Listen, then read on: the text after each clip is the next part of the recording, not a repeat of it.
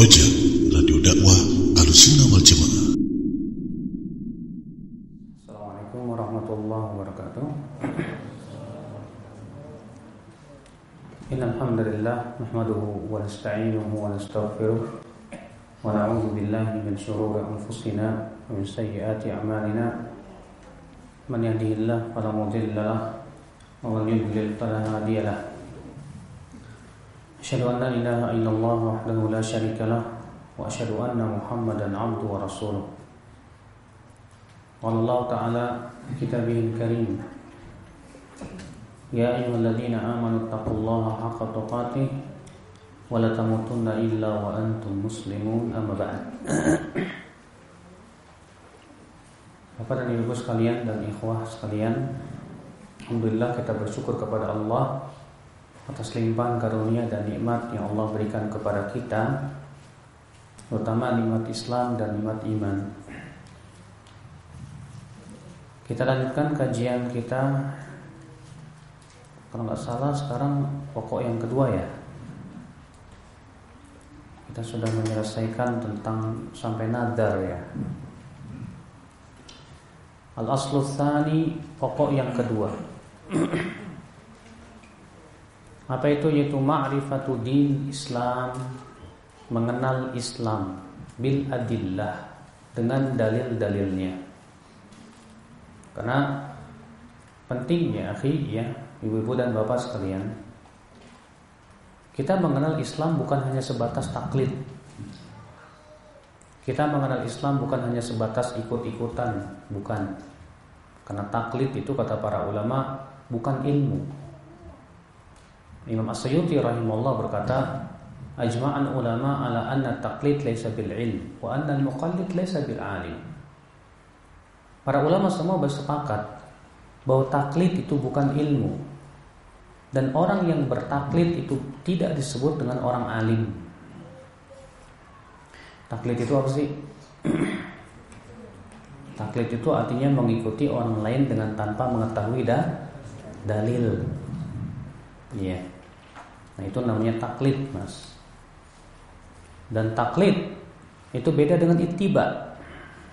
Kalau ittiba mengikuti seseorang dengan mengetahui dalil. Sedangkan kalau kita mengikuti seseorang dengan tanpa dalil, maka itu disebut dengan tak taklid. Jadi ini beda antara taklid dengan ittiba. Ya. Dan taklid terkadang tercela, terkadang terpuji. Makanya para ulama ketika menyebutkan tentang hukum taklid itu mereka mengatakan hukum taklid ada tiga. Ada taklid yang hukumnya haram ada taklid yang hukumnya wajib dan ada taklid yang hukumnya mubah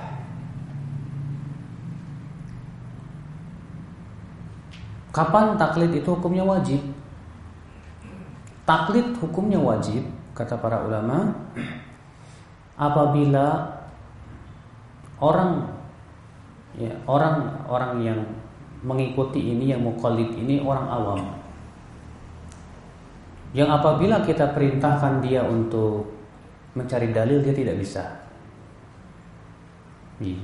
untuk memahami dalil pun dia tidak bisa dia tidak memiliki ilmu-ilmu atau alat-alat untuk memahami dalil tidak mempunyai dan tidak punya kemampuan untuk berijtihad tidak punya kemampuan untuk istimbat. Ya, istimbat itu artinya mengeluar, menelurkan hukum. Maka orang seperti ini kewajiban dia adalah taklid saja. Contoh misalnya antum tidak pernah belajar ilmu usul fikih. Nggak pernah ilmu kaidah fikih nggak pernah, bahasa Arab juga nggak pernah. Dalam suatu permasalahan antum bingung, ini apa hukumnya boleh apa enggak ya? Akhirnya antum tanya ke Ustad, Ustad ini hukumnya boleh enggak Ustad? Kata Ustad, boleh, nggak apa-apa. Karena alasannya begini-begini. Nah ini disebut dengan taklid namanya. Iya. Contoh lagi antum tidak pernah belajar ilmu hadis dan antum nggak tahu, ya ibu-ibu dan bapak nggak tahu ini hadis sahih apa enggak gitu. Maka antum tanya ke Ustaz, Ustaz hadis ini sahih apa enggak? Sahih kata Ustaz. Oh ya udah Ustaz, kalau begitu saya amalkan. Ini namanya tak taklid. Dan ini wajib buat dia. Sebab apa? Sebab dia tidak punya kemampuan. Coba kalau anak suruh antum, coba antum periksa hadis ini, sahih apa enggak? Antum tidak akan bisa. Kenapa? Karena antum tidak pernah mempelajari ya ilmu hadis. Coba antum pelajari secara usul fikih. Hukum ini dari dalil ini hukumnya wajib apa sunnah apa gimana? Antum tidak bisa karena antum tidak punya kemampuan. Kalau dibiarkan antum nyari sendiri, khawatir malah sesat. Maka daripada sesat mendingan ikut orang alim. Dan itu yang diperintahkan oleh Allah Subhanahu wa taala, fas'alu ahla dzikri in kuntum la ta'lamun. Tanya ahlinya jika kamu tidak tahu. Maka orang yang awam kewajiban dia taklid aja udah. Yang nanggung dosa siapa? Ya gurunya. Ya. Ketika antum bertanya Pak ke Ustaz, Ustaz ini hukumnya boleh nggak Ustaz? Kata Ustaz boleh. Nyata si Ustaz pun berkata dengan tanpa ilmu misalnya. Yang dosa siapa? Ustaz. Antum? Antum berlepas diri. Karena antum sudah melaksanakan tugas sebagai seorang awam untuk bertanya. Paham tidak? Maka ini taklid yang hukumnya apa? Hah? Taklid yang hukumnya wajib. Kapan taklid itu haram? Taklid haram ketika kita telah mengetahui bahwa pendapat yang kita ikuti itu bertabrakan dengan Al-Quran dan hadis. Tapi tetap kita ikuti dan kita buang Al-Quran dan hadis. Maka kalau kita mengikuti seorang syekh atau seorang ustadz atau seorang ulama, setelah itu tampak kepada kita bahwa pendapat ulama kita, guru kita, syekh kita bertabrakan dengan dalil yang sahih, tapi kemudian kita menolak dalil hanya sebatas ikut siapa? Syekh. Maka di sinilah taklid itu menjadi apa? Menjadi haram. Dan taklid semacam inilah ya akhi yang dicela oleh Allah terhadap orang musyrikin. Yang Allah berfirman di dalam surat apa itu? Al-Baqarah, ya di mana Allah berfirman dalam surat Al-Baqarah itu dalam surat Al-Baqarah ayat sebentar. surat Al-Baqarah ayatnya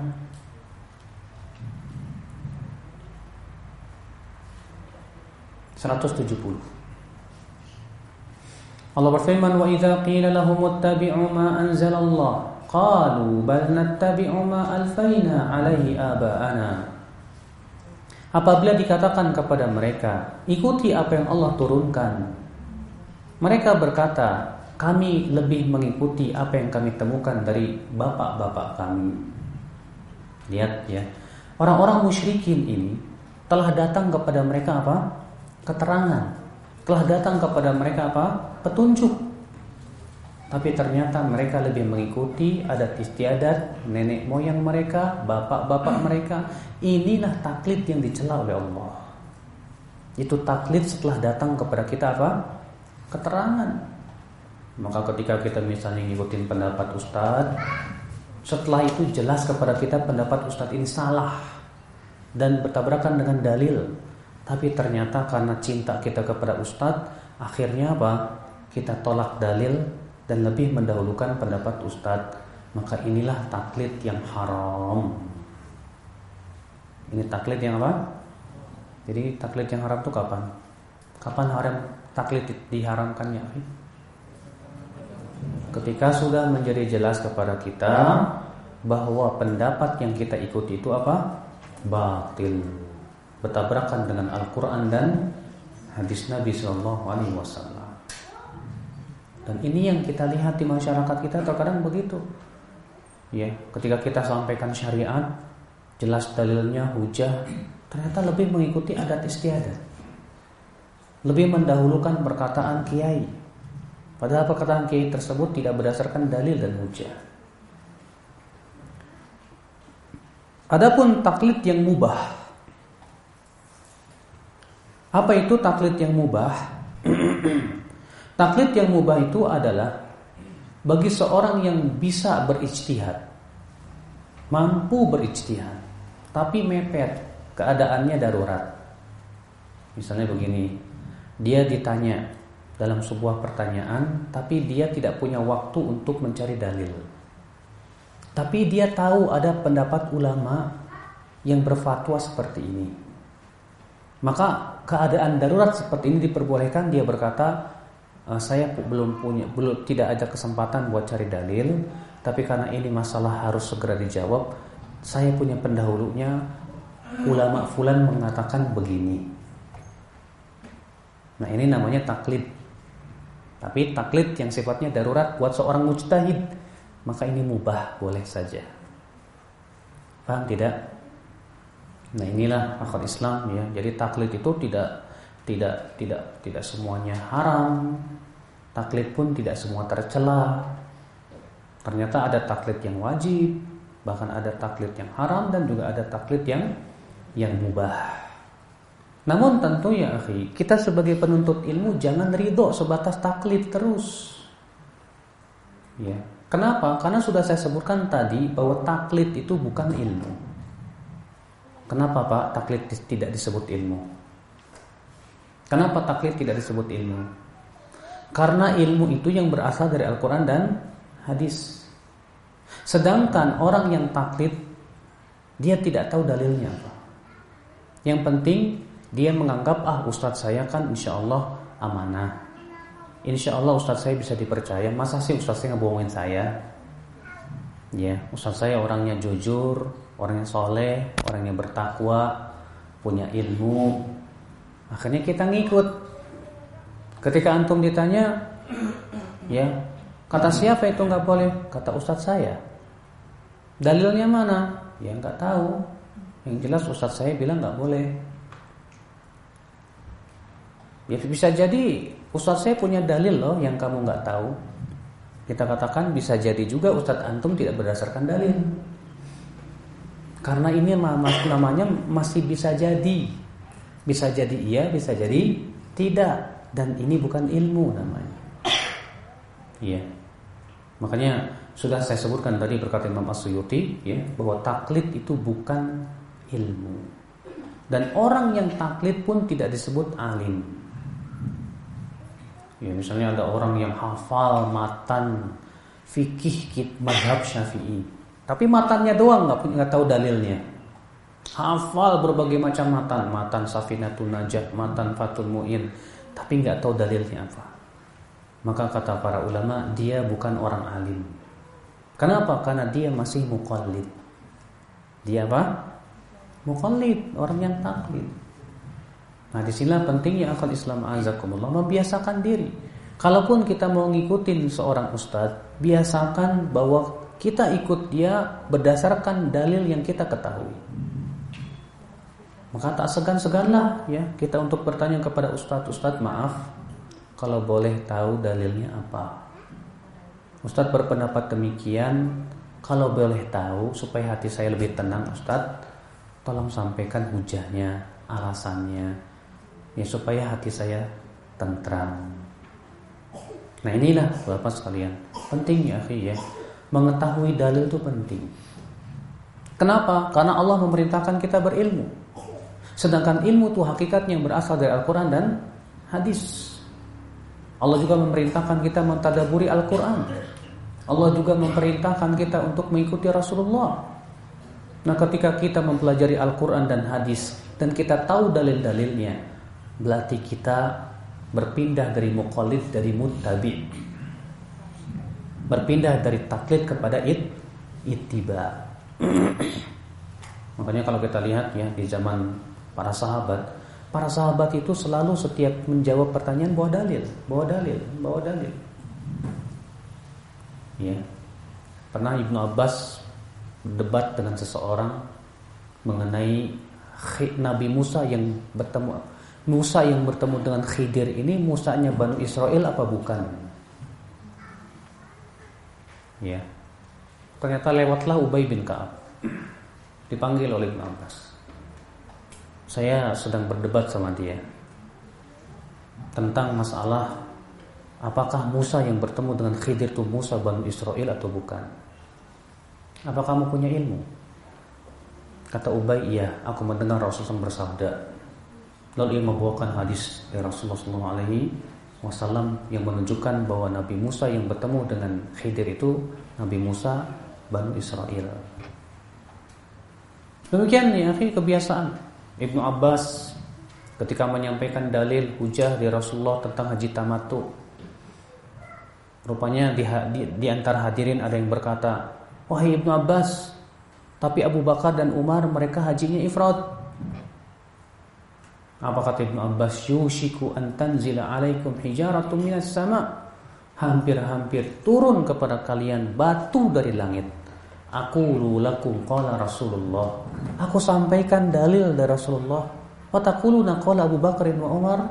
Lalu kalian berkata berkata Abu Bakar dan Umar. Apakah kalian kira perkataan Abu Bakar dan Umar lebih tinggi daripada sabda Rasulullah Sallallahu Alaihi Wasallam? Iya. Mereka sudah terbiasa apa? Selalu berhujah dengan dalil, dalil, dalil, dalil. Demikian pula di zaman tabiin. Ya, bahkan di zaman tabi'ut tabiin sudah dibiasakan mengajarkan anak itu dalil. Sampai-sampai Imam Al-A'mash Sulaiman bin Miran berkata apa? Ya, sa'alimu sibyanakum al-ahadis. Ajarkan anak-anak kalian tuh hadis. Supaya apa? Supaya terbiasa apa? Berhujah, punya dalil, tahu dalil, tahu dalil. Bukan hanya sebatas kata anu, kata fulan. Sementara kita terkadang ya dilatih dari kecil taklid, taklid, taklid. Ketika kita bertanya kepada guru, Pak Yai, maaf dalilnya apa? Udah kamu nggak usah tanya, tanya dalil. Percuma kalau saya sampaikan juga kamu nggak bakal paham. Ini padahal kayaknya nggak paham juga. Nah, itu memang terjadi di negeri kita ya akal Islam. Kita dibiasakan untuk hanya sebatas apa? Membelo, taklid dan taklid. Makanya beliau mengatakan di sini ma'rifatu dinil islami bil adillah. Mengenal Islam dengan apa? Dengan dalil. Bahkan ada sebuah hadis yang dikeluarkan Bukhari dalam sahihnya. Ketika Rasulullah mengisahkan tentang kematian orang yang fajir, orang yang jahat. Ketika ia ditanya oleh malaikat mungkar dan nakir, "Man rabbuka?" Siapa Rabbmu? Apa jawab dia? Ha ha la adri. Sami'tun innama sami'tun nas yaquluna syai'an faqultuhu. Aku tidak tahu Aku hanya mendengar orang-orang mengucapkan sesuatu lalu aku pun ikut-ikutan mengucapkan. Lihat orang ini tidak bisa menjawab. Kenapa? Dia mengatakan saya tidak tahu. Aku dahulu hanya sebatas mendengar orang-orang mengucapkan sesuatu, aku pun ikut-ikutan apa? Mengucapkannya. Masya Allah, ya. Maka dari itu ya, akhi, inilah pentingnya kita menuntut ilmu syariah. Inilah kita pentingnya untuk menggali Al-Quran dan hadis Nabi SAW supaya kita beragama betul-betul di atas dalil dan hujah. Semua dengan dalil dan dalil. Iya. Walaupun tentunya ya dalam masalah fikih, para ulama pun juga berbeda pendapat dalam memahami dalil dan itu lumrah. Bisa jadi dalam satu dalil pemahamannya dua. Contoh misalnya firman Allah, "Famsahu biru'usikum." usaplah kepala kalian. Apa yang dimaksud dengan usaplah kepala kalian? Apakah kata-kata usaplah itu menunjukkan keseluruhan ataukah menunjukkan kepada apa? Sebagian. Ya, dalilnya sama tapi Allah berfirman faghsilu wujuhakum. Cucilah wajah kamu. Ya, Imam Syafi'i mengatakan ini dalil menunjukkan bahwa berkumur-kumur tidak wajib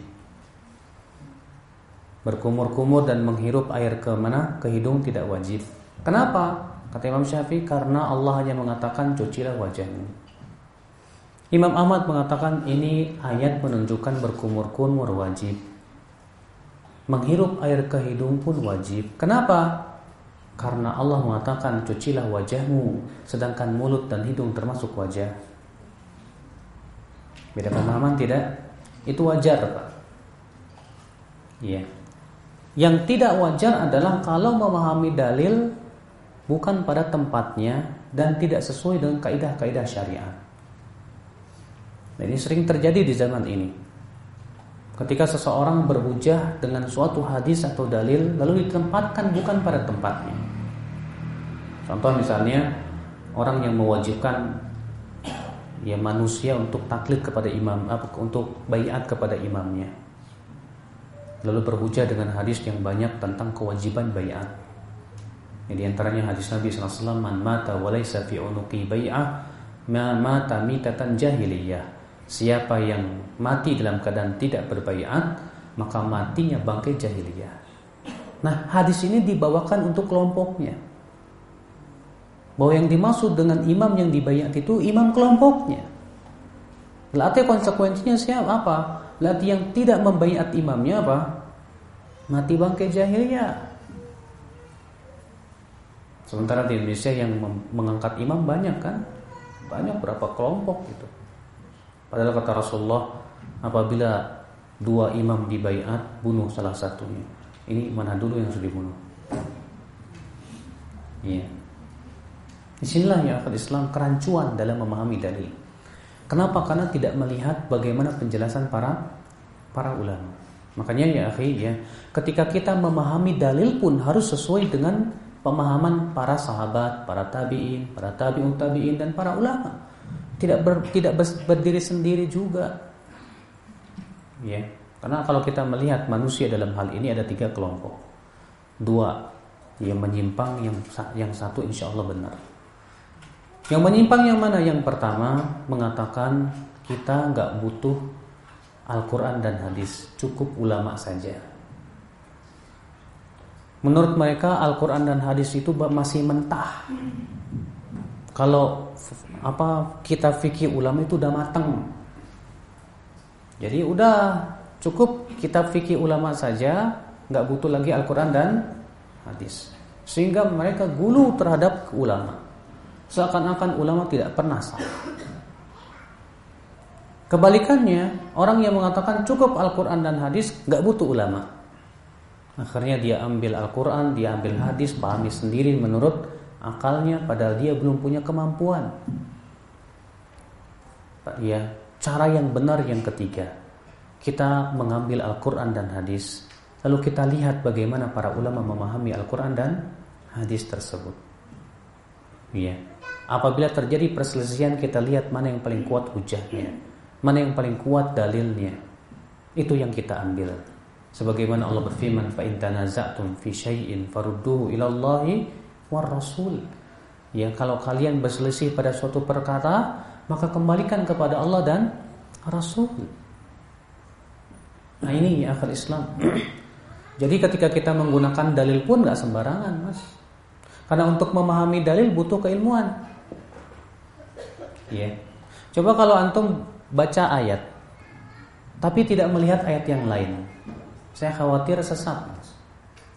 Contoh saja orang-orang liberal ketika membaca ayat surat Al-Baqarah ayat 62. Ya Allah berfirman innal ladzina amanu wal ladzina hadu wan nasara was-sabiin man amana billah wal yawmil akhir wa amila salihan falahum ajrum 'inda rabbihim wala khaufun 'alaihim wala yahzanun. Sesungguhnya orang yang beriman, ber, orang Yahudi, orang Nasrani, orang Sobiin, siapa saja yang beriman kepada Allah dan hari akhirat, surga. Akhirnya mereka mengambil ayat ini, oh berarti ayat ini mendukung, mendukung plural. Karena Allah mengatakan orang beriman, Yahudi, Nasrani, Sobiin. Tapi dia tidak melihat ayat yang lain. Yang tegas Allah mengkafirkan orang Yahudi dan Nasrani. Dia tidak melihat dalil lain dari hadis Nabi SAW yang tegas mengkafirkan orang yang tidak mau mengikuti Rasulullah Sallallahu Alaihi Wasallam. Makanya, akhi, untuk memahami suatu dalil itu berarti pertama apa? Kita harus menguasai dalil yang lain yang saling menjelaskan. Berarti penguasaan kita terhadap Al-Quran dan hadis harus apa? Luas supaya kita tidak mengambil hadis buang hadis yang yang lain. Yang kedua, kita harus menguasai ilmu usul fikih. untuk bisa kita mengetahui apakah dalil ini mansuh atau tidak, dihapus apa belum. Yang kedua, apakah ini ya hadis tersebut mempunyai makna wajib atau tidak, sunnah atau tidak, umum atau khusus, mutlak atau muqayyad. Kalau kita tidak memahami itu, maka bisa jadi kita tersesat jalan di dalam memahami apa hadis Nabi Shallallahu Alaihi Wasallam. Makanya kata para ulama ya, kita tidak boleh ngambil Al-Quran, baca terjemahan, pahami sendiri. Oh, menurut saya eh, ayat ini maknanya begini. Benar pak. Menurut antum antum siapa? Ulama. Bahasa Arab aja nggak bisa. Iya. Kadang di, mas, di mahasiswa begitu, bikin halakoh, dipimpin satu murabi, Nanti murabinya bilang, coba kamu baca ayat ini. Menurut kamu ayat makna ayat itu apa? Oh menurut saya begini begini. Oh dilatih jadi ahli tafsir. Padahal untuk menjadi ahli tafsir itu kan, masya Allah ya, harus betul-betul menguasai seluruh ilmu-ilmu alat, ya, yang mendukung untuk memahami Al-Quran Karim. Akhirnya apa yang terjadi? Kalau sudah seperti itu, pastilah memahami Al-Quran dan hadis menurut ra'yu sesat, batil. Nah inilah akal Islam azakumullah. Ketika kita katakan dengan dalil, maka dalil pun juga harus dibimbing oleh para ulama dari terutama dari kalangan sahabat, tabi'in, tabi'ut, tabi'in dan para ulama setelahnya dari zaman ke zaman. Makanya antum kalau buka yang kitabnya Ibnu Hajar misalnya, Syarah Sahih Bukhari. Selalu Ibnu Hajar membawakan perkataan waqala fulan, waqala fulan. Selalu membawakan perkataan-perkataan para ulama terdahulu. Padahal beliau ulama bukan? Ulama. Tapi beliau selalu membawakan perkataan ulama fulan, ulama fulan, ulama fulan. Lalu beliau merojihkan kalau terjadi perselisihan. Antum baca kitabnya Imam At-Tahawi dalam Syarah Mushkil Al-Athar. Selalu membawakan perkataan ulama terdahulu. Antum baca kitabnya para ulama terdahulu. Selalu membawakan kitab para ulama, pendapat-pendapat ulama yang mendahuluinya selalu demikian Pak ya karena memang penting sekali karena masalah ini harus dikembalikan kepada ahlinya Pak yang bahaya itu orang yang merasa dirinya sudah ahli padahal dia tidak memiliki kemampuan Alhamdulillah sallallahu selamat wal afiyah kita lanjutkan kata beliau Ma'rifatu dinil islami bil adillah mengenal agama Islam dengan apa? Dalil. Dan dalil itu apa? Al pertama al Al-Qur'an. Yang kedua apa? Hadis, tapi ingat hadisnya juga yang sahih, Mas. Bukan yang sembarangan. Is yang pentingnya hadis lah, doif doif juga hadis kok. Ya nggak bisa. Ya, karena para ulama mengatakan bahwa hadis yang palsu itu tidak boleh dijadikan dalil. Hadis yang sangat lemah tidak boleh dijadikan dalil. Yang menjadi perselisihan ulama adalah kalau hadis itu lemahnya ringan. Apakah itu boleh dijadikan dalil atau tidak? Pendapat yang paling kuat ini pendapat Imam Bukhari dan Muslim bahwa hadis yang lemah tetap tidak boleh dijadikan dalil.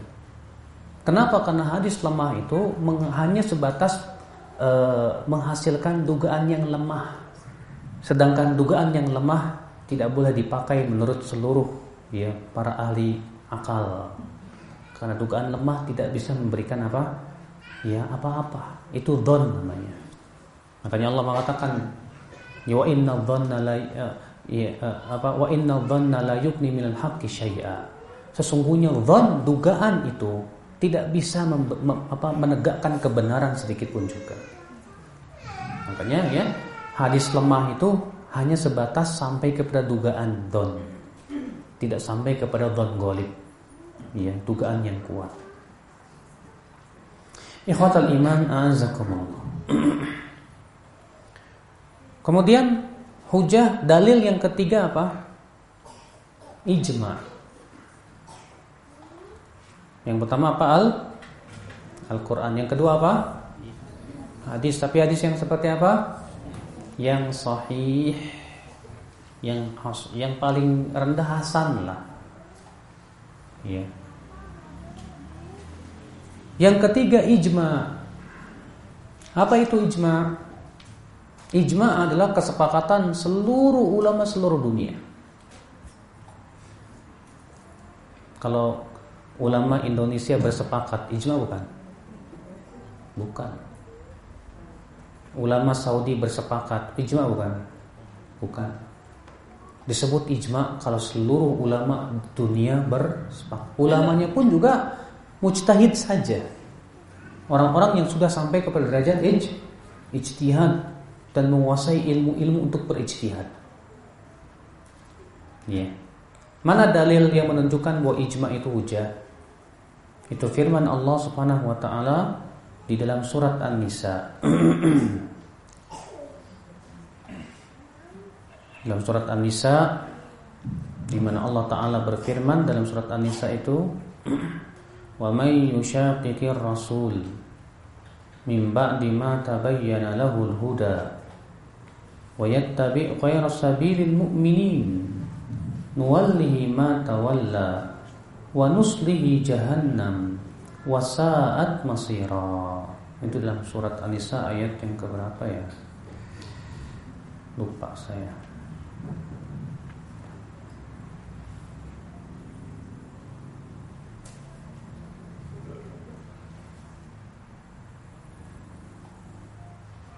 ومن يشاقق الرسول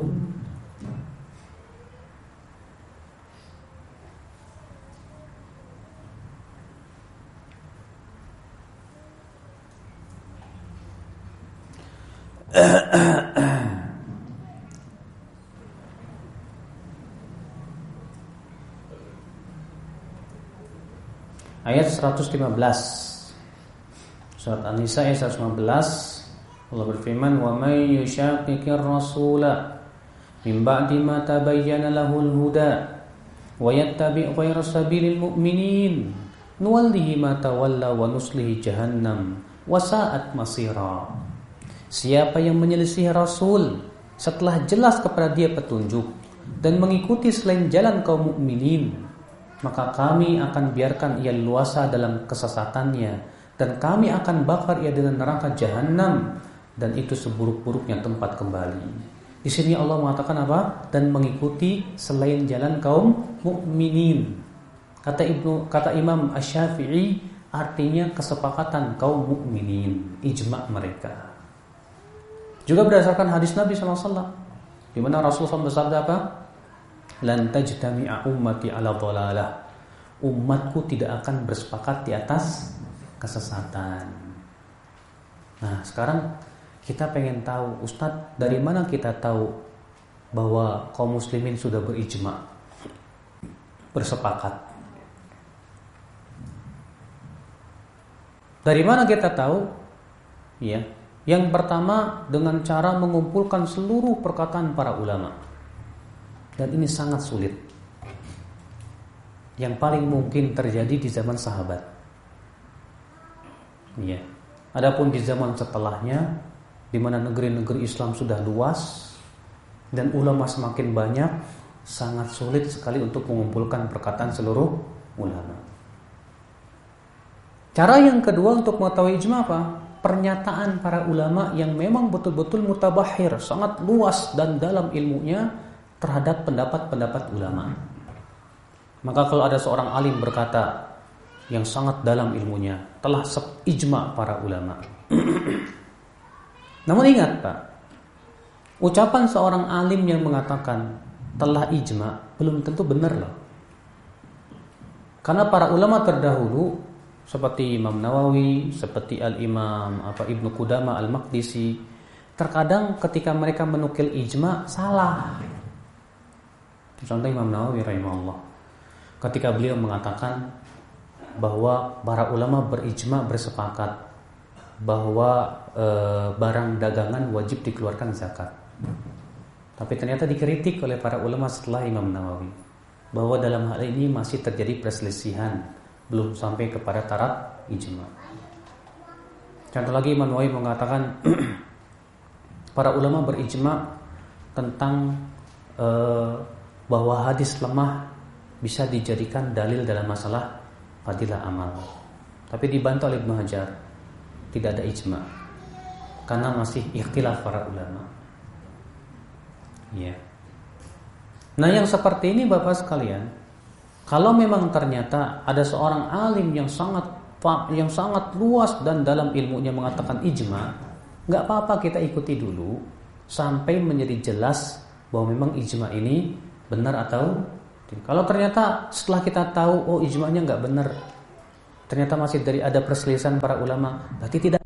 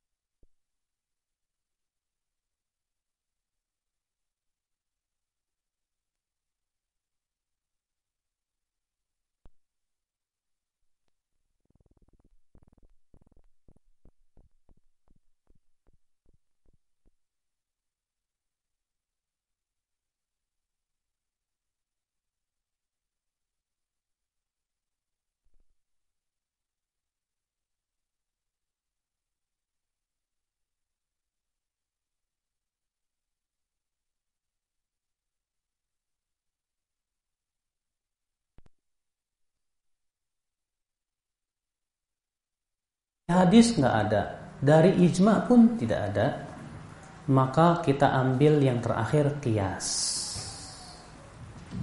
Yang kita ambil terakhir apa? Kias. Kias itu apa ya? Ilhaqu far'in bil, bil, bil asli yaitu menyamakan hukum cabang dengan hukum pokok karena adanya persamaan il ilah menyamakan hukum cabang dengan hukum apa? Pokok karena adanya persamaan apa? Ilat. Berarti dalam kias ada empat rukun. Dalam kias ada empat rukun. Apa rukunnya? Yang pertama ada cabang yang akan kita kiaskan. Yang kedua ada pokok dan pokok ini syaratnya harus ditunjukkan oleh Al-Quran dan hadis. Yang ketiga ada persamaan il ilat. Dan yang keempat adanya hukum. Apakah wajib atau sunnah atau mubah atau makruh atau apa? Haram. Saya berikan contoh. Beras di zaman Rasulullah nggak ada. Dalam Al-Quran nggak ada ajar beras Hadis juga nggak ada beras. Tapi ada yang satu ilat dengan beras, gandum yang disebutkan dalam nas-nas hadis Nabi SAW. Ya. Oh ternyata gandum dengan beras ini ilatnya sama, sama-sama makanan pokok. Berarti hukumnya pun sah, sama. Wajib dikeluarkan untuk zakat fit, fitr. Paham tidak? Ini namanya kias, Pak. Dan para ulama mengatakan kias itu boleh dipakai kalau darurat. Maksudnya darurat apa? Maksudnya darurat itu kalau sudah tidak nemu dari Al-Quran dan hadis. Imam Ahmad berkata dan juga dinukil dari Imam Syafi'i, "Innama yusaru ilal qiyas inda darurah." Kias boleh kita pakai kalau darurat saja. Selama tidak selama masih ada Al-Qur'an dan hadis, kias minggir. Kias nggak bisa dipakai, Pak. Iya. Makanya kiasnya Abu Hanifah yang mengatakan seorang wanita apabila sudah dewasa boleh menikahkan dirinya dengan tanpa wali dan dua saksi dan dikiaskan dengan akad jual beli ditolak oleh para ulama. Ya. Karena Imam Abu Hanifah mengatakan ah, nggak ada bedanya akad jual beli dengan akad nikah kata mereka. Sebagaimana wanita boleh beli sendiri dengan tanpa ada wali, tanpa ada dua saksi, maka berarti wanita pun boleh menikahkan dirinya dengan tanpa wali dan dua saksi dengan dikiaskan kepada akad jual beli. Tapi kata jumhur, kias Anda bertabrakan dengan dalil. Karena dalil tegas mengatakan apa? Ayyuma mra'atin nakahat bi ghairi idzni waliha fanikahuha batil batil batil. Wanita mana saja yang menikah dengan tanpa izin walinya maka nikahnya ba batil batil batil. Ya berarti kias anda ya Abu Hanifah bertabrakan dengan dalil. Maka setiap kias yang bertabrakan dengan dalil itu disebut dengan kias yang gugur. Kias yang apa? Yang gugur gak bisa dipakai Ya. Nah kesalahan di zaman sekarang Pak Terkadang kita melihat Ada orang yang menganggap dirinya ustadz atau ahli agama Belum cari dalil udah kias. Belum mencari dalil. Tapi ternyata sudah apa? Sudah memakai kias. Padahal kewajiban kita cari dalil dulu gitu loh. Setelah kita cari dalil Kalau memang sudah ada nasnya Kias jangan dipakai. Kalau memang sudah tidak ada nasnya Dari Al-Quran, hadis maupun ijma' baru darurat kita cari yang kita mengkiaskan. Ada nggak di zaman Rasulullah yang satu ilat dengan masalah seperti ini? Paham tidak ya akal Islam? Dan pembahasan kias tentu bukan di sini tempatnya kata tapi itu di, di pelajaran usul fikih. Nah ini dalil-dalil yang harus kita pahami di dalam ya agama kita Islam. Tapi ingat Pak, kias itu hanya berlaku dalam masalah hukum. Adapun masalah akidah, kias tidak berlaku. Karena masalah keyakinan tidak bisa dikiaskan. Antum misalnya beriman adanya adanya surga, beriman. Antum yakin di surga ada buah pisang? Yakin. Tapi apakah antum bisa mengkiaskan pisang surga dengan pisang dunia?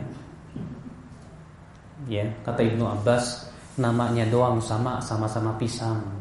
Tapi hakikat dan bentuk serta rasanya berbeda. Sehingga tidak bisa dikiaskan. Antum mau kiaskan bidadari surga dengan bidadari dari dunia? Tidak bisa. Ya. Apalagi kalau mengkiaskan Allah dengan makhluknya ini jauh lebih tidak mungkin lagi. Nah ini akal Islam azakumullah Kita lanjutkan ya akhi azakumullah kata beliau Ma'rifatu dinil Islam bil adillah. Mengenal agama Islam dengan apa? Dengan apa, Pak? Dengan dalil. Dan mengenal dalil itu, Pak, ya. Ada tahapnya. Tahap yang pertama yaitu tahap memahami dan ini yang paling penting. Yang kedua menghafal. Yang ketiga menyampaikan. Adapun tahap menghafal maka disesuaikan dengan kemampuan. Yang terpenting kita faham dalil yang apa? Yang kita pelajari sudah faham ini ini hadisnya. Makanya ya akhirnya kita penting belajar Al-Qur'an dibimbing oleh seorang ustadz yang kuat ilmunya. Belajar hadis pun juga jangan sendiri tapi harus talaki mengambil dari para guru yang kuat keilmuannya. Supaya kita tidak salah dalam memahami Al-Qur'an dan hadis Nabi SAW. Tapi kita sangat dianjurkan untuk menghafal. Ya. Kalau bisa dihafal. Anjuran dari Rasulullah untuk menghafal juga banyak. Di antaranya Rasulullah bersabda, "Nadharallahu ra'a sami'a maqalati fahafidhaha wa wa'aha fawa'aha wa hafidhaha. Semoga Allah memberikan cahaya ke wajah seorang hamba yang mendengarkan sabdaku, lalu ia memahaminya, lalu ia menghafalnya, lalu ia menyampaikannya seperti apa yang ia dengar. Ya, hadis ini menunjukkan anjuran kita untuk apa, Pak? Pertama mendengarkan ha? Hadis, yang kedua memahami hadis, yang ketiga menghafalkan hadis. Yang keempat menyampaikan ke orang lain. Dan itu yang dilakukan oleh para ulama hadis. Makanya tidak aneh para ulama hadis kan hafal ribuan ratusan ribu hadis ya. Imam Ahmad bin Hambal hafal satu juta hadis. Imam Bukhari hafal 700 ribu hadis. Sementara kita mengapalin error. Tapi Allah Maha Adil, Pak. Ketika otak kita error, Allah gantikan dengan VCD. Ya ya kan? Allah Maha Adil. Di zaman sekarang nggak ada hafalnya kayak Imam Bukhari. Tapi Allah adil. Allah ciptakan kaset, VCD. Tujuannya untuk menyimpan il, ilmu supaya ilmu itu tetap terjaga. Iya. Ikhwatul iman azakumullah. Ma'rifatu din islami bil adillah. Mengenal Islam dengan apa? dalil-dalilnya. Maka usahakan setiap permasalahan-permasalahan agama kita tahu dalilnya. Antum ketika belajar sholat dari takbiratul ihram sampai salam tahu dalilnya dari setiap gerakan. Ya, sampean sholat kamu sholat kalau naik apa ngangkat ke tangan itu sampai mana? Nah, sampai perut, sampai pundak, sampai telinga atau sampai tinggi-tinggi. Ini penting untuk kita tahu dalilnya. Oh, ternyata Rasulullah SAW ya mengangkat tangan sa sampai ke pun ke pundak, terkadang sampai ke ke telinga. Sehingga ketika kita tahu dalil enak, enak. Ketika Rasulullah sedekap, sedekap di mana? Ternyata hadis yang sahih menyebutkan bahwa sedekap itu di mana? Di dada sehingga kalau kita tahu dalilnya enak Pak. Kita pun beribadah tenang. Kita pun beragama pun di atas keyakinan. Makanya kata Rasulullah, "Da'ma yaribuka ila ma la yaribuk." Tinggalkan apa yang meragukanmu kepada apa yang tidak membuatmu ragu. Kalau kita punya dalil nggak ragu. Tapi kalau kita nggak punya dalil ragu tidak. Jangan-jangan hadisnya sahih. Jangan-jangan hadisnya lemah. Jangan-jangan nggak ada hadisnya nggak ada dalilnya. Nah inilah yang akal Islam azakumullah. Ya. Kemudian beliau men, me, ya uh, mendefinisikan apa itu Islam. Kata beliau, wahwa Islam adalah al-istislamu lillahi bitauhidi. Islam itu artinya istislam. Apa sih istislam, Pak? Istislam itu artinya penyerahan diri yang total. Kita menyerahkan diri kepada Allah. Ya. Al-istislam dari kata aslama yuslimu islaman. Di mana seseorang yang mengatakan aslam tulillah seakan-akan dia berkata ya Allah, aku serahkan diriku kepadamu, terserah engkau. Sehingga ketika seorang hamba betul-betul menyerahkan dirinya kepada Allah, berarti konsekuensinya apa? Konsekuensinya dia hamba yang siap diatur oleh Allah. Baik dengan peraturan syar'i maupun qadari. Ya. Allah suruh salat, ya ya Allah, aku taat. Allah suruh zakat, sami'na wa ata'na. Allah larang kita berzina, mencuri, tinggalkan. Nah, hamba yang seperti inilah yang diinginkan oleh Allah, Pak. Yang betul-betul apa? Istislam, menyerahkan diri kepada Allah secara total kepada Allah Subhanahu wa taala. Iya. Maka dari itu ya, akhi, kalau kita ingin menjadi hamba yang Islamnya sempurna, total, berarti kita harus meninggalkan hal-hal yang menyebabkan kita tidak bisa menyerahkan diri kepada Allah secara total. Apa itu? Yang pertama, ya, yaitu adanya kesombongan dalam hati kita. Sombong. Iblis dia tidak bisa tunduk total kepada Allah. Kenapa? Ada kesombongan. Ya ketika Allah memerintahkan iblis untuk sujud kepada Adam, iblis nggak mau. Kenapa? Sombong. Ya. Iblis berkata apa? Khalaqtani min nar wa khalaqtahu min tin. Ya Allah, Engkau ciptakan aku dari api, sedangkan Adam Engkau ciptakan dari tanah. Sementara api lebih baik daripada tanah. Iblis tertipu dengan apa? Kelebihan-kelebihan yang ia miliki. Orang yang sombong, dia tidak akan bisa ya total penyerahan dirinya kepada Allah.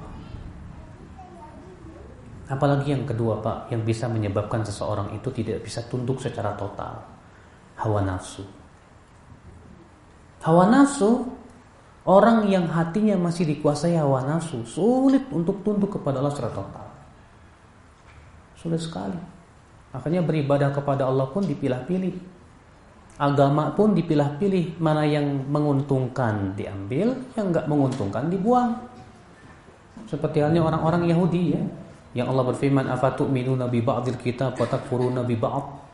Apakah kalian beriman kepada sebagian Alkitab dan kalian kafir kepada sebagian yang lain? Artinya mereka mengambil agama yang enak aja, yang menguntungkan. Kalau tidak menguntungkan dibuang. Orang seperti ini tidak bisa apa? Tidak mungkin Islamnya sempurna, tidak mungkin ketundukan kepada Allah itu sempurna ya. Apalagi itiba'us syahwat, mengikuti syahwat. Karena cinta dunia yang luar biasa. Ya, cinta harta, cinta wanita. Makanya antum lihat ya pemuda yang sedang jatuh cinta. Ya, pemuda-pemudi untuk taslim kepada Allah sulit, Pak. Ya, kalau kita nasihati terkadang malah melotot gitu kan. Kenapa? Ya karena dia sudah hatinya sudah dikuasai oleh syah syahwat. Orang yang sangat cinta kedudukan terkadang tidak peduli caranya halal apa haram. Orang yang sangat cinta harta tidak peduli lagi halal apa haram, mau riba ke apa ke. Bahkan terkadang beralasan yang haram aja susah apalagi yang halal. Inilah ya akhi hal-hal yang bisa mencegah seseorang untuk apa? Istislam. Iya. Betul-betul menjadikan kita sebagai hamba yang betul-betul Islam.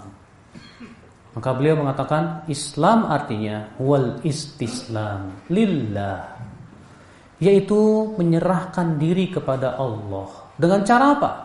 Bitauhid dengan mentauhidkan Allah. Iya. Ikhwatul iman azakumullah. Ini yang paling penting. Ketika seorang hamba mengakui bahwa Allah satu-satu satu-satunya Rob dia. Adapun selain di selain Allah, maka itu adalah batil. Lalu ia pun ridho untuk menjadi hamba Allah. Dan dia pun menyerahkan diri kepada Allah secara total. Maka dia akan menjadi muslim yang sempurna ya muslim yang sempurna sudah masya Allah. Makanya akhi ya ke keislaman seseorang kan bertingkat-tingkat disesuaikan dengan tingkat ketundukan dia kepada kepada Allah. Ada orang masya Allah setiap kali dapat dalil oh baru tahu saya langsung ikut, ikut, ikut tunduk. Luar biasa. Ada orang ketika tahu dalil mikir-mikir dulu aduh untungin apa enggak ya? Nanti ya kurang kesempurnaan apa? Islam dia itu masih kurang. Ikhwatul Islam azakumullah. Ya, dan kita sendiri terkadang masih banyak hal-hal yang kita terkadang lebih ngikutin hawa nafsu dan kita terkadang sudah tahu itu tidak boleh misalnya.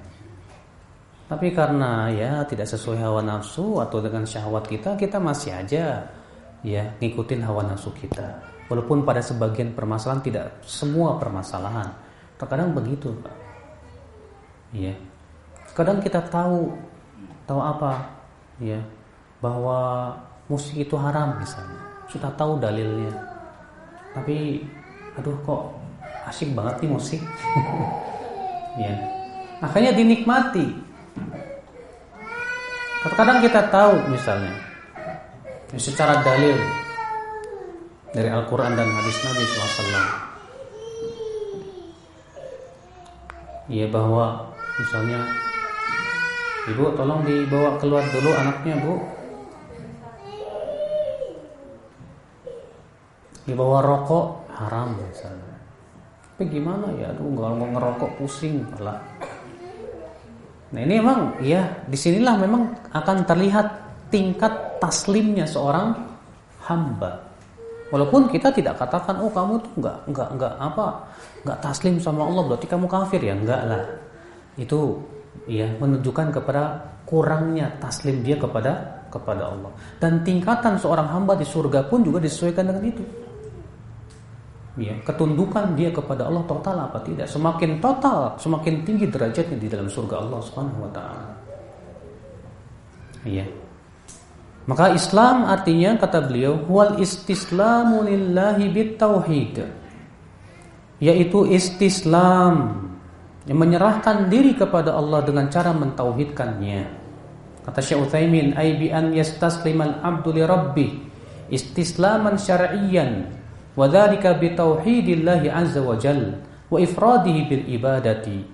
Wa hadzal Islam huwa alladhi yuhmad alaihi al-'abdu wa yuthabu alaihi. Yaitu seorang hamba betul-betul menyerahkan dirinya kepada Allah. Ya, dengan cara mentauhidkan Allah dan mengesahkan Allah dalam ibadah. Dan inilah Islam yang seorangnya pelakunya dipuji dan diberikan pahala oleh Allah Subhanahu wa taala. Ya. Kemudian apa makna Islam yang kedua? Wal inqiyadu lahu Dan tunduk dengan cara taat kepada Allah. Sudah saya sebutkan tadi Pak, seseorang yang menyerahkan diri kepada Allah secara total, pasti ketaatannya pun total. Iya. Ketika menjalankan perintah, ia pun lakukan dengan senang hati. Beda loh, Pak. Antara orang yang menjalankan perintah dengan senang hati dengan orang yang menjalankan perintah dengan berat hati.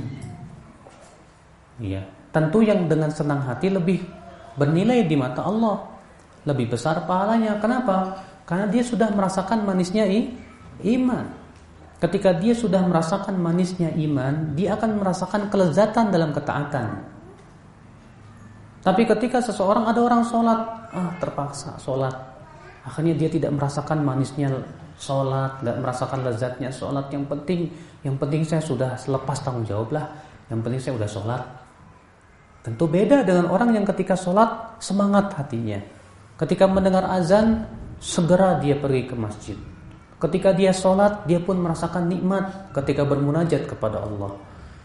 Maka akan berbeda ya dari sisi apa? Istislam dan ingkiyat dia kepada Allah. Ketundukan dia kepada Allah berbeda.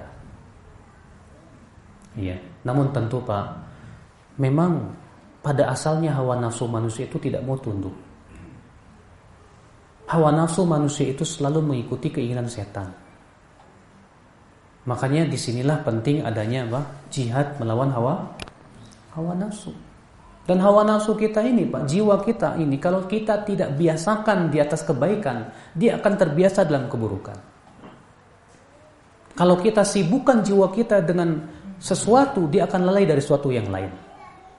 Kalau kita sibukkan dengan ketaatan, maka itu akan terbiasa jiwa kita. Makanya orang yang sudah terbiasa dengan ketaatan, ketika ia terluput dari ketaatan, dia akan merasa apa? Gelisah. Aduh, dia biasanya satu hari nggak bacanya satu juz. Aduh, gimana nih? Kayaknya ada yang kurang. Kenapa? Karena dia sudah terbiasa. Tapi kalau antum tidak punya kebiasaan ya nggak masalah. Apalagi kalau kebiasaan kita berbuat keburukan. Di saat kita tidak berbuat buruk malah rindu ingin berbuat buruk. Ini bahaya sekali. Maka dari itulah ya akal Islam ya, kita sebagai seorang muslim biasakan diri kita untuk di dalam ketaatan. Ya. wal ketundukan dengan cara menaati Allah Subhanahu wa taala. Itulah Islam. Kemudian apa? Wal bara'atu minasyirki wa ahli. Dan berlepas diri dari apa? Kesyirikan. Mungkinkah, Pak? Ada orang yang mengatakan, "Saya beriman Allah pencipta alam semesta." Saya beriman bahwa Allah satu-satunya zat yang berhak disembah. Tapi saya masih mengakui adanya Tuhan selain Allah. Masih diterima imannya? Diterima nggak imannya? Taib, saya tidak mengakui adanya Tuhan selain Allah. Tapi ya kita tidak perlulah ya untuk mengatakan bahwa orang yang menyembah selain Allah itu kafir. Ya. Kita tidak perlu mengatakan ya orang yang menyembah selain Allah itu musyrik. Hormati, mereka juga punya keyakinan. Tidak bisa.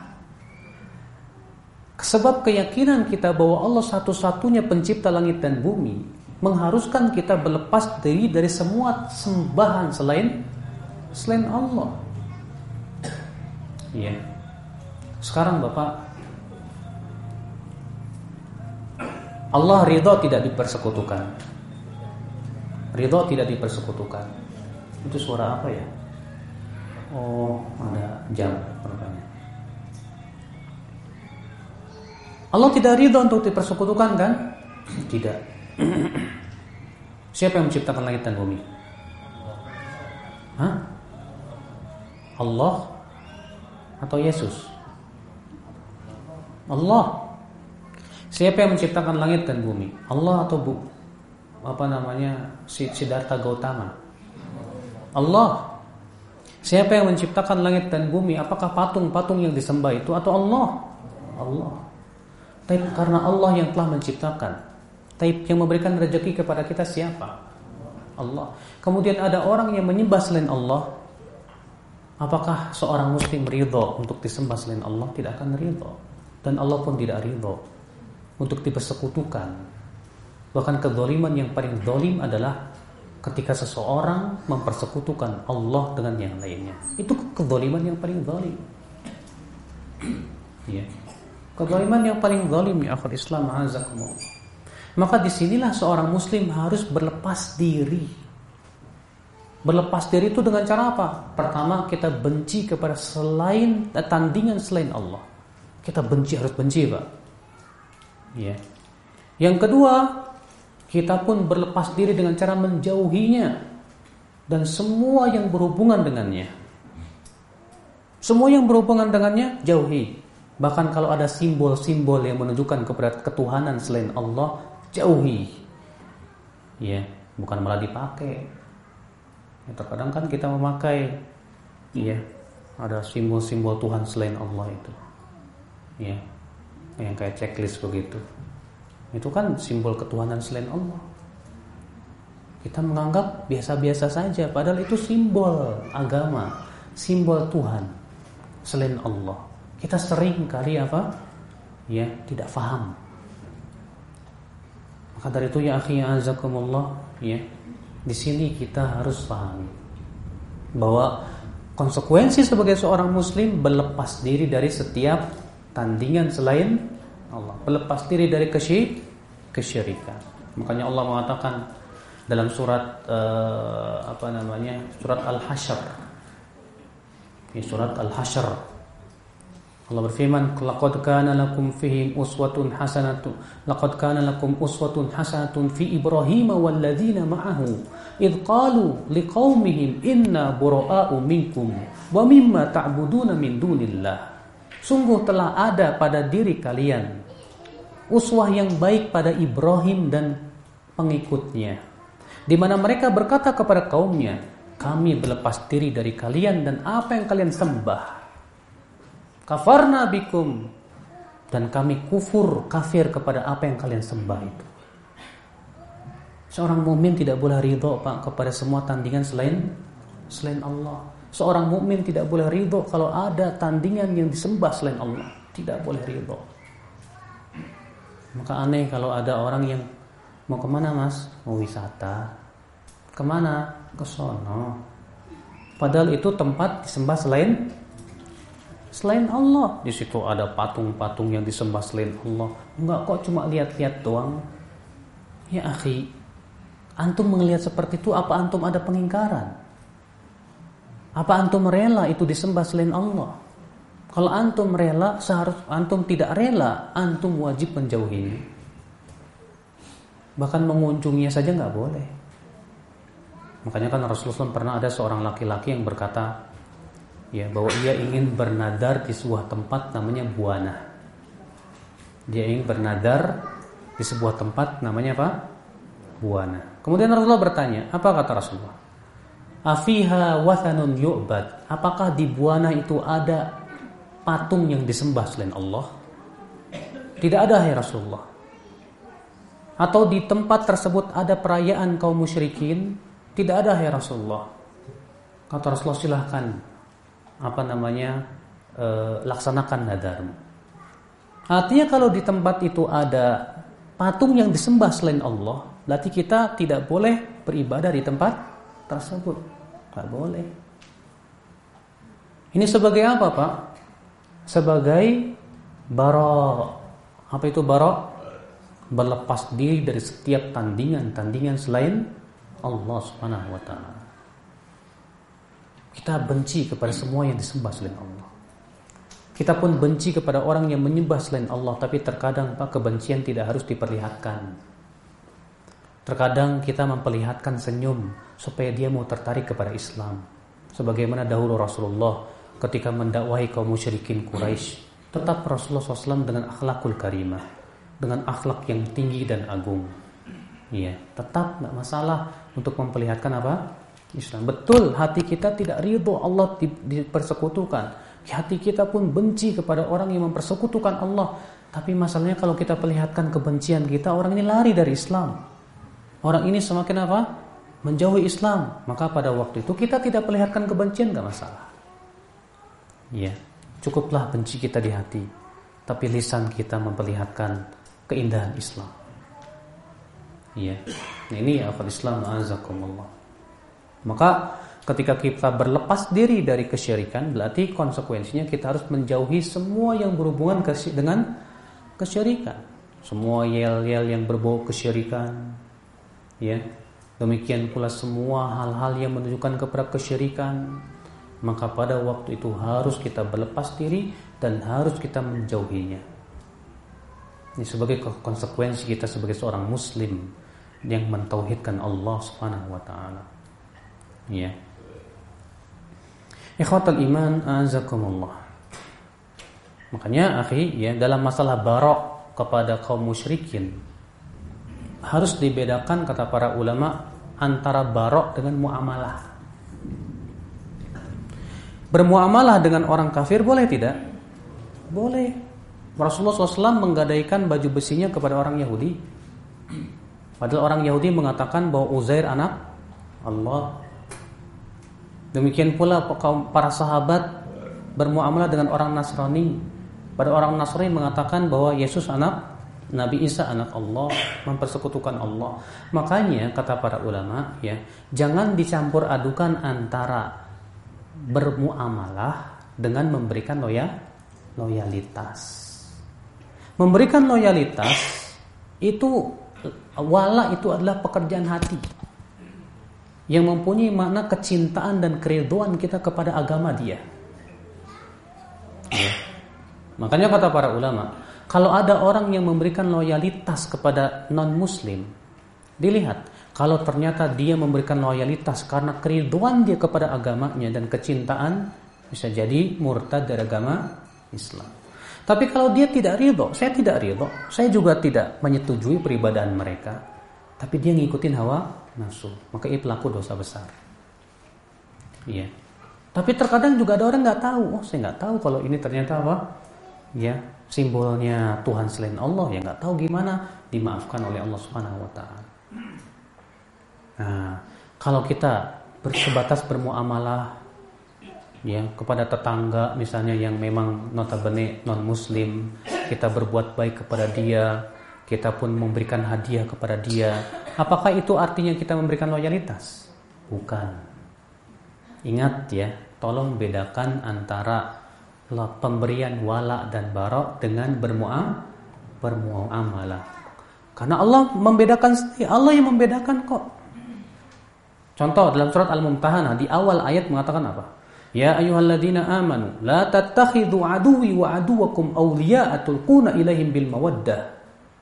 Wa qad kafaru bima ja'akum bima ja'akum bil haqq. Hai orang-orang yang beriman, jangan kamu ambil musuhku dan musuhmu sebagai wali-wali kamu yang kalian mencintai mereka. Yang kalian apa? Mencintai mereka. Allah melarang. Tapi dalam ayat dalam surat Al-Mumtahanah juga Allah mengatakan apa? La yanhakumullah 'anil ladina lam yuqatilukum fid din wa lam yukhrijukum min diyarikum an tabarru wa tuqsitu ilaihim. Allah tidak melarang kamu untuk berbuat baik kepada orang-orang kafir yang tidak mengusir kalian dan tidak memerangi kalian dari negeri-negeri kalian. Allah tidak melarang untuk berbuat baik kepada mereka. Silahkan. Ternyata di sini Allah membedakan antara wala dengan muamalah. Nah, terkadang kaum muslimin banyak yang tidak paham. Ya. Terkadang ketika kita berjual beli dengan non muslim, kita dianggap kamu sudah memberikan wala sama dia. Loh, muamalah dengan non muslim kan halal, nggak masalah, ya kan? Nggak apa-apa. Jangan dimasukkan ke, barat, ke dalam bab wala dan baro. Itu dibedakan oleh Al-Quran dan hadis Nabi Shallallahu Alaihi Wasallam. Karena wala dan baro itu pekerjaan hati, akhir ya pekerjaan apa hati Allahu a'lam jadi ini ya akhi azakumullah yang berhubungan dengan makna Islam. Jadi Islam itu apa? Al istislamu lillahi bitauhid. Yaitu menyerahkan diri kepada Allah dengan cara men mentauhidkannya. Terus apa? Wal inqiyadu lahu bitta'ah. Dan tunduk dengan cara apa? Menaatinya. Dan yang ketiga apa? Wal bara'atu minasyirki wa ahli. Berlepas diri dari kesyirikan dan pelakunya. Itulah Islam. Iya. Tapi sampai sini ada yang bertanya, insya Allah kita lanjutkan pada pertemuan yang akan datang.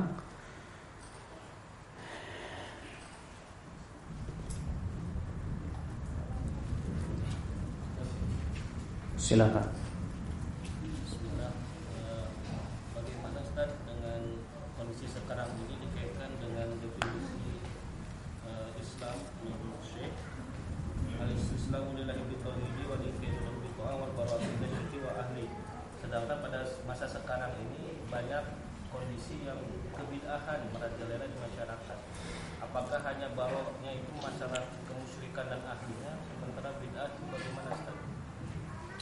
Apakah kita berlepas diri dari sebatas dari kesyirikan atau juga berlepas diri dari setiap yang sifatnya berbuat berbau maksiat dan bid'ah?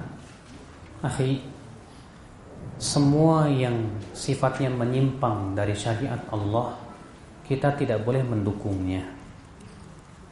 Karena Allah berfirman, "Wa ta'awanu 'alal birri wat taqwa, wa la ta'awanu 'alal itsmi wal 'udwan." Saling tolong menolonglah dalam kebaikan dan takwa dan jangan kamu saling menolong dalam apa? dosa dan permusuhan. Ya. Allah melarang kita saling tolong menolong, saling bahu membahu, saling membantu di dalam maksiat, di dalam perkara yang diada-adakan dalam syariat. Tetap kita tidak diperkenankan untuk apa? Ya. Tapi ingat, seorang muslim yang berbuat perbuatan maksiat ataupun perkara yang disebut dengan bid'ah kita tidak boleh barok secara 100% tidak boleh. Kita katakan dia masih beriman kepada Allah masih. Dia mencintai Rasulullah masih. Dari sisi sini kita cintai dia. Kita berikan loyalitas dia sebagai seorang mus muslim. Tapi dari maksiatnya kita tidak suka. Paham tidak? Ya Allah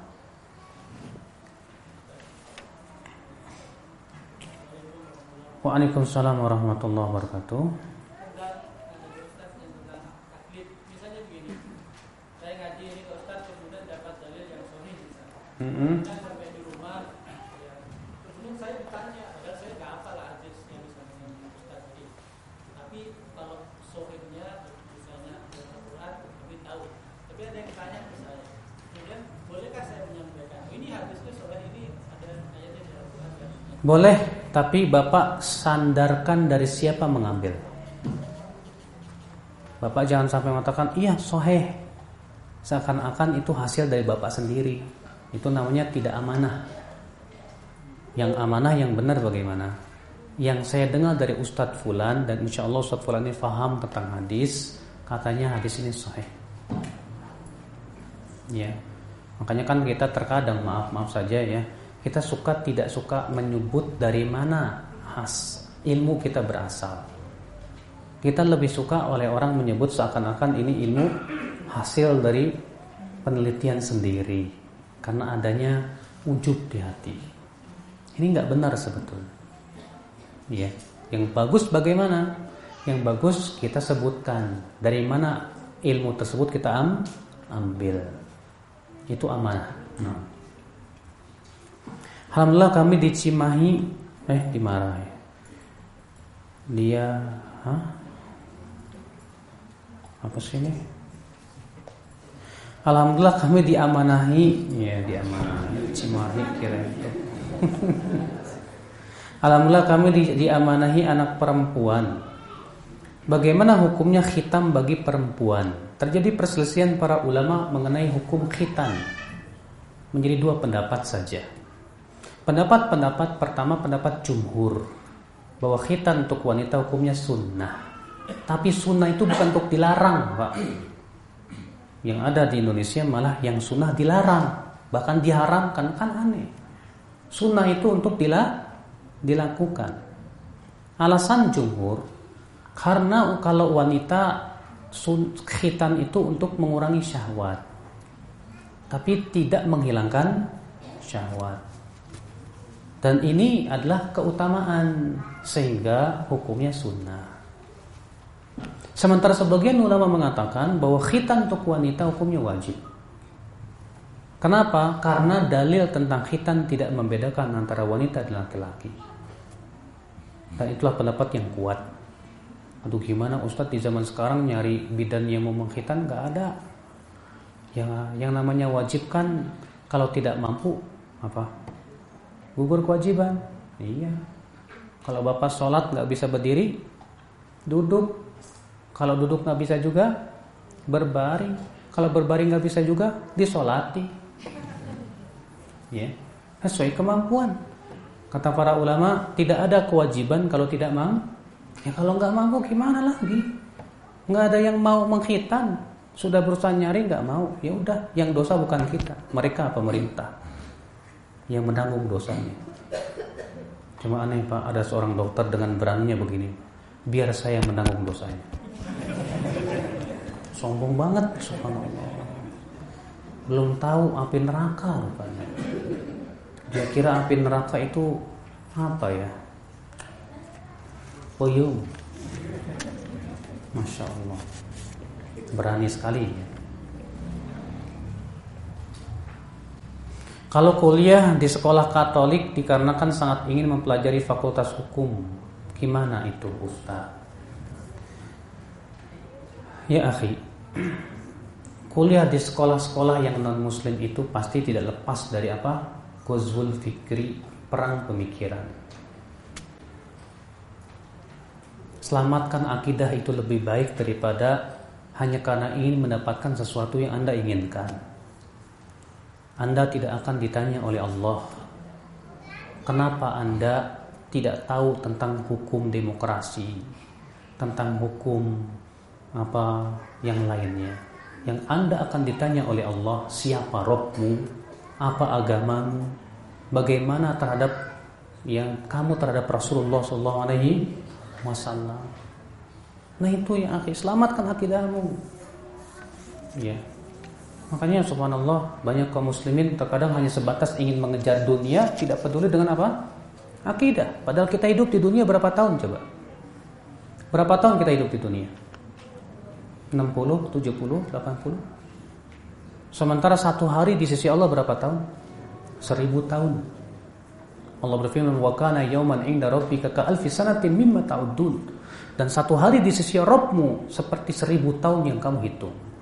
Berarti 20 seribu tahun di sisi Allah sama dengan 24 jam manusia. Berarti kalau kita hidup 60 sampai 70 tahun berarti umur kita hanya 1,5 jam.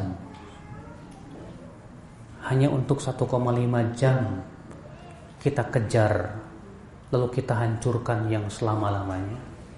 Di mana akal kita? Ya.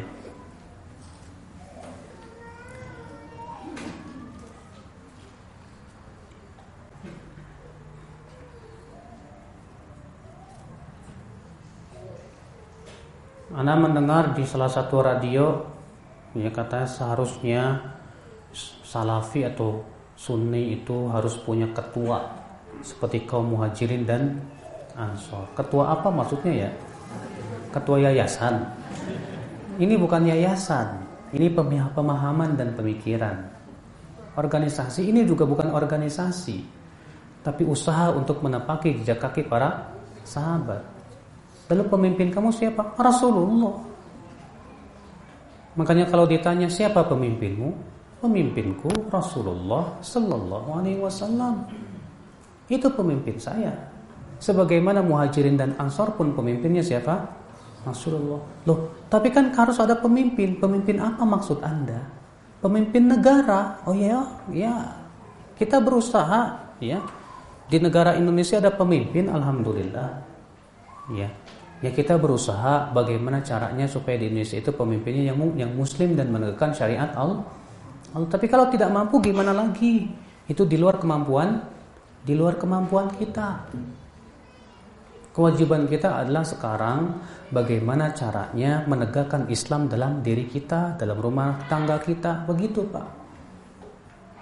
Nah sekarang kalau misalnya kelompok anu bikin ketua, ini bikin ketua, apa enggak nanti malah bikin hizbiyah? Pak maaf maaf saja. Kalau saya tidak mengatakan yayasan tidak boleh organisasi tidak boleh karena fatwa para ulama mengatakan boleh. Iya. Tapi masalahnya adalah kenyataan yang ada ketika misalnya suatu pemikiran bikin kelompok ada satu ketua yang dibayaan. Itu jadi hizbiyah Pak sering kali seperti itu. Fanatik golongan. Iya, contohnya aja di Indonesia organisasi Muhammadiyah, ada NU. Sekarang itu bagaikan madhab loh Pak. Bagaikan apa? Madhab. Seakan-akan, wah fanatiknya kepada organisasi dan golongan itu kuat sekali. Padahal Allah mengatakan apa? Wala takunu minal musyrikin minal ladina farraqu dinahum wa kanu syi'a. Kullu hizbin bima ladaihim farihun. Jangan kalian menjadi seperti orang ke orang musyrikin. Siapa? Yaitu yang memecah belah agama mereka dan mereka berkelompok kelompok dan setiap kelompok berbangga dengan apa yang ada pada kelompoknya. Sehingga yang dibanggakan kelompoknya. Kan itu sering ya akhi ya terjadi ya. Ya kalau antum bikin yayasan fadol pilih pemimpinnya siapa pembinanya siapa ketua umumnya siapa untuk apa merapikan apa manajemen silahkan antum punya PT pilih direktur utamanya siapa ya nggak masalah itu hanya sebatas untuk apa? Maka kalau ada pun untuk masalah yang sifatnya dakwiyah seperti ini, akhir Islam azakumullah, ya. Kalau hanya sebatas untuk merapikan, misal ada yayasan untuk kemudian mengkoordinir semuanya, ya silakan saja. Tapi jangan sampai sampai kepada derajat apa? Wala dan baroknya kepada yayasan, kepada organisasi ini yang bahaya. Ini yang bahaya. Karena itu merupakan apa namanya penyebab perpecahan umat itu di situ pak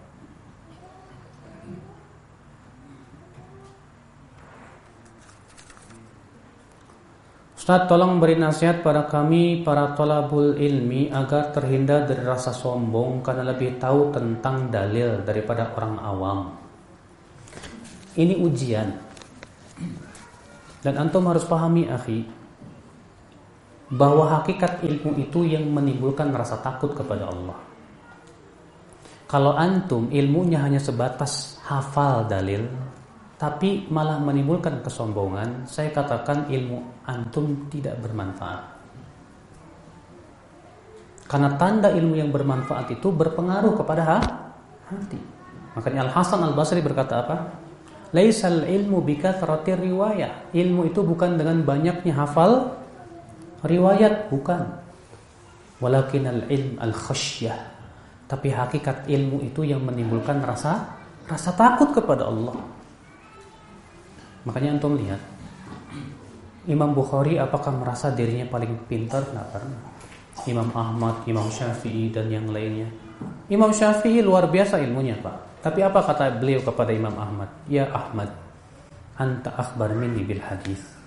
Engkau lebih alim dari saya tentang hadis. Mengakui keutamaan muridnya. Ya. Imam Ahmad pun berkata apa? Kalau bukan karena Syafi'i, aku tidak akan mengetahui bagaimana memahami hadis. Tidak pernah mereka merasa dirinya apa? Lebih, tidak. Justru kita berpikir, kalau saya merasa sombong dengan dalil, ini dalil sudah saya amalin apa belum? Ilmu yang kita pelajari, setiap ilmu itu akan ditanya oleh Allah. Apa yang kamu amalkan dari ilmu? Percuma Pak, kita banyak hafal riwayat ternyata kita sulit mengamalkannya. Kalau sebatas kita menghafalkan Al-Quran dan hadis Tapi hati kita malah semakin keras Akibat daripada ujub, kesombongan Makanya apa kata Ibnu Qayyim Wahai kamu yang sholat tahajud Jangan meremehkan orang yang tidak sholat tahajud Wahai kamu yang puasa apa Senin Kemis Jangan kamu meremehkan orang yang tidak puasa Senin Kemis Karena bisa jadi Orang yang sedang tidur ternyata lebih utama di sisi Allah daripada kamu. Barangkali dia bangun dalam keadaan dia menyesal. Aduh saya nggak tahajud. Sementara kamu setelah tahajud malah ujub dan sombong. Padahal kata Ibnu Qayyim, amalan tidak akan diterima oleh Allah bila disertai dengan rasa ujub. Makanya hati-hati Pak ya. Kita nuntut ilmu udah banyak nih, alhamdulillah. Justru yang kita pikirkan udah berapa banyak ilmu saya yang kita si fulan baru nuntut ilmu ilmunya lebih mungkin lebih sedikit dari saya tapi pertanyaan dia di hari kiamat lebih sedikit dari saya. Ya tidak mas? Iyalah. Iya. Dia baru berapa ilmu yang dia kuasai tapi dia sudah bisa mengamalkan. Sementara kita sudah banyak menuntut ilmu berapa banyak yang sudah kita amalkan? Apa tidak malu kepada Allah? Kalau kita membanggakan banyaknya ilmu, ternyata kita, kita tidak bisa mengamalkan ilmu tersebut. Makanya ya akhi azakumullah, saya merasa heran ya dengan para penuntut ilmu setelah lama dia menuntut ilmu yang muncul adalah hanya sebatas ke, rasa ujub dan sombong. Saya merasa heran justru. Iya, seharusnya mereka menjadi orang yang paling tawadu. Semakin lama menuntut ilmu, semakin dia tawadu, semakin berpengaruh kepada hatinya, begitu kan? Inilah yang diharapkan dari ilmu itu seperti itu loh, Pak. Ya, yang kita harapkan dari ilmu itu apa? Ya, menghasilkan rasa takut kepada Allah, ketawaduan kepada manusia. Makanya Al Hasan Al Basri berkata apa? Az-zahid man idza ra'a ahadan dhanna annahu khairum min. Orang yang zuhud itu siapa? Itu orang yang apabila melihat orang lain Dia merasa orang itu merasa lebih baik dari dirinya Ketika dia melihat teman Antum melihat teman Kayaknya dia lebih baik dari saya. Saya banyak maksiat. Dia Masya Allah. Saya memang banyak tak ketaatannya. Saya memang sholat tahajud tiap malam. Tapi saya nggak tahu Tahajud saya diterima oleh Allah apa enggak. Dia mungkin tidak sholat tahajud Tapi dia orangnya Masya Allah awab Ya selalu kembali kepada Allah Makanya ya akhi azakumullah inilah ya Yang selalu kita tekankan dan tekankan Jangan sampai ilmu itu menimbulkan rasa ujub Rasa sombong Apalagi na'udzubillah Wassalamualaikum warahmatullahi wabarakatuh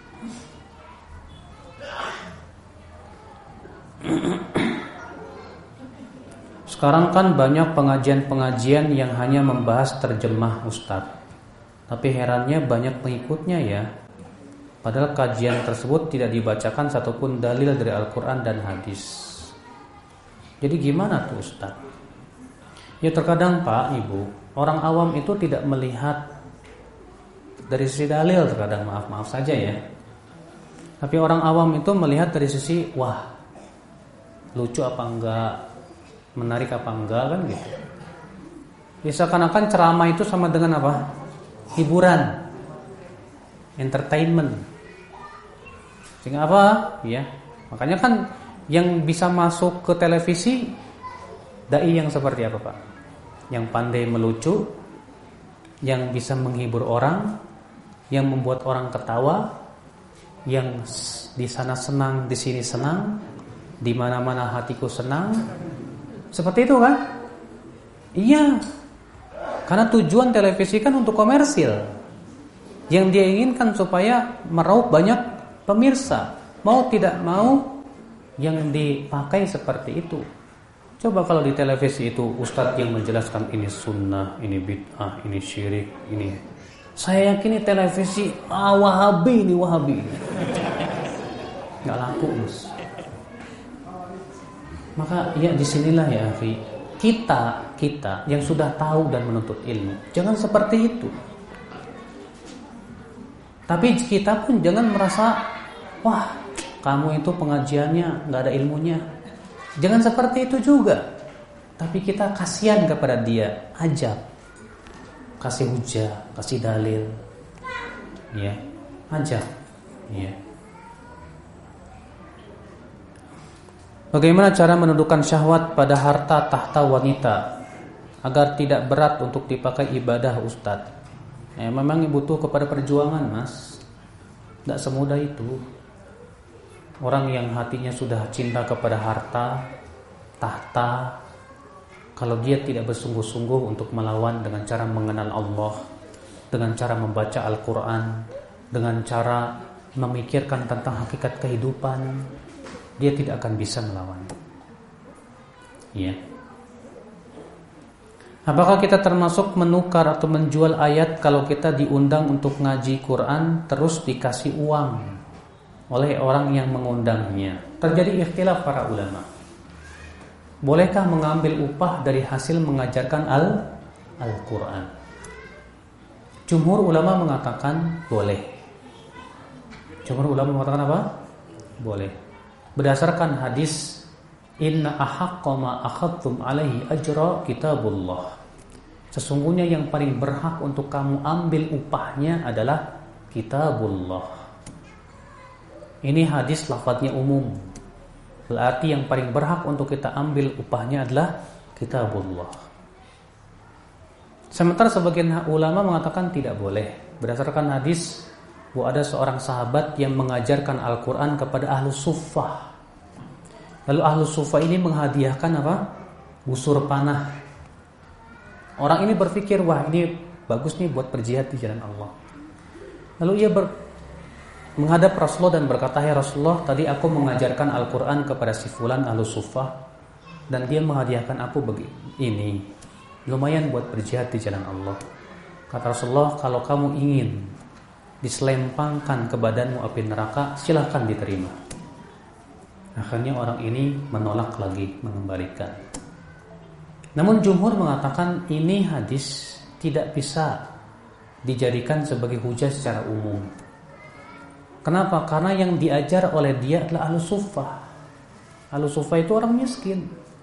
Dia tinggal di masjid nggak punya apa-apa. Masa dimintai upah? Kalau itu menjadi sebuah kewajiban bagi seseorang untuk mengajarkan ilmu di tempatnya, di mana tidak ada orang yang bisa mengajarkan kecuali dia, maka dia tidak boleh menerima upah kata para ulama. Kalau antum di tempat antum tidak ada yang bisa mengajarkan Al-Quran kecuali antum. Lati antum sudah kewajiban antum untuk mengajarkan, maka bagi antum haram mengambil upah. Tapi kalau misalnya banyak di tempat antum para pengajar Al-Quran dan antum diminta pengajar, lalu antum bilang, saya boleh dong minta upah, nggak apa-apa. Makanya hadis yang dijadikan dalil oleh yang mengatakan bahwa itu tidak boleh, itu sebabnya atau ain dan tidak bisa dijadikan secara umum. Ya. Justru pendapat yang paling kuat wallahu alam boleh. Ya, tapi tentunya juga jangan dijadikan sebagai alat komersil. Ya. Mematok harga satu jam berapa 20 juta. Wah. Ini jelas dilarang oleh seluruh ulama. Ya.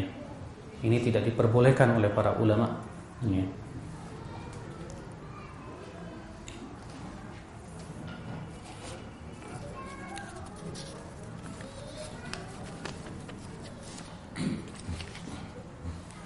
Ustaz saya akan membuat skripsi tentang zakat profesi yang dipungut oleh negara Tapi saya kuliah di kampus yang katolik. Nah lu gimana? Kan udah jawab tadi.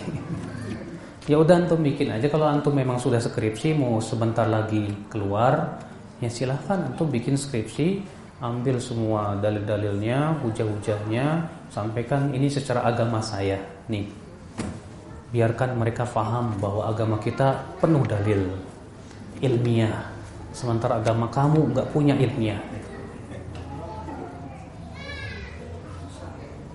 Bekerja dengan orang yang non muslim boleh tidak? Boleh.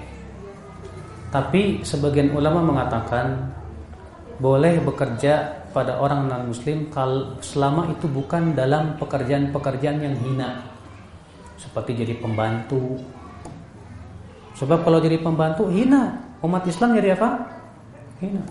Makanya kemarin waktu saya ke Hong Kong ternyata hadirin yang hadir tuh Pak ya 99% akhwat semua. Pembantu semuanya. Saya bilang kalian wajib pulang ke Indonesia. ya. Sudahlah datangnya kalian ke sini tanpa marong. Sudah gitu ke negeri kafir, profesinya jadi pembantu. Hina sekali umat Islam kalau begitu. Gara-gara kalian Islam jadi hina. Tidak boleh. Kita sebagai seorang muslim jangan menjadikan agama kita apa? Bukankah Rasulullah bersabda al-Islamu ya'lu? Islam itu tinggi, mulia. Ya, jangan dijadikan Islam itu hina di hadapan mereka. Jangan. Ya, jangan. Tapi kalau itu pekerjaan yang sifatnya mulia, dan antum punya kedudukan di situ, ya silakan. Selama antum tidak diwajibkan mengikuti yel-yel kaum apa agama dia. Ya. Allah alam. Semoga yang saya sampaikan bermanfaat. Ini saja yang bisa sampaikan. Subhanakallah bihamdik. Asyhadu an la ilaha illa anta astaghfiruka wa atubu ilaik. Wassallallahu ala nabiyyina Muhammadin wa alihi wa sahbihi wasallam. وآخر دعوانا أن الحمد لله رب العالمين. والسلام عليكم ورحمة الله وبركاته.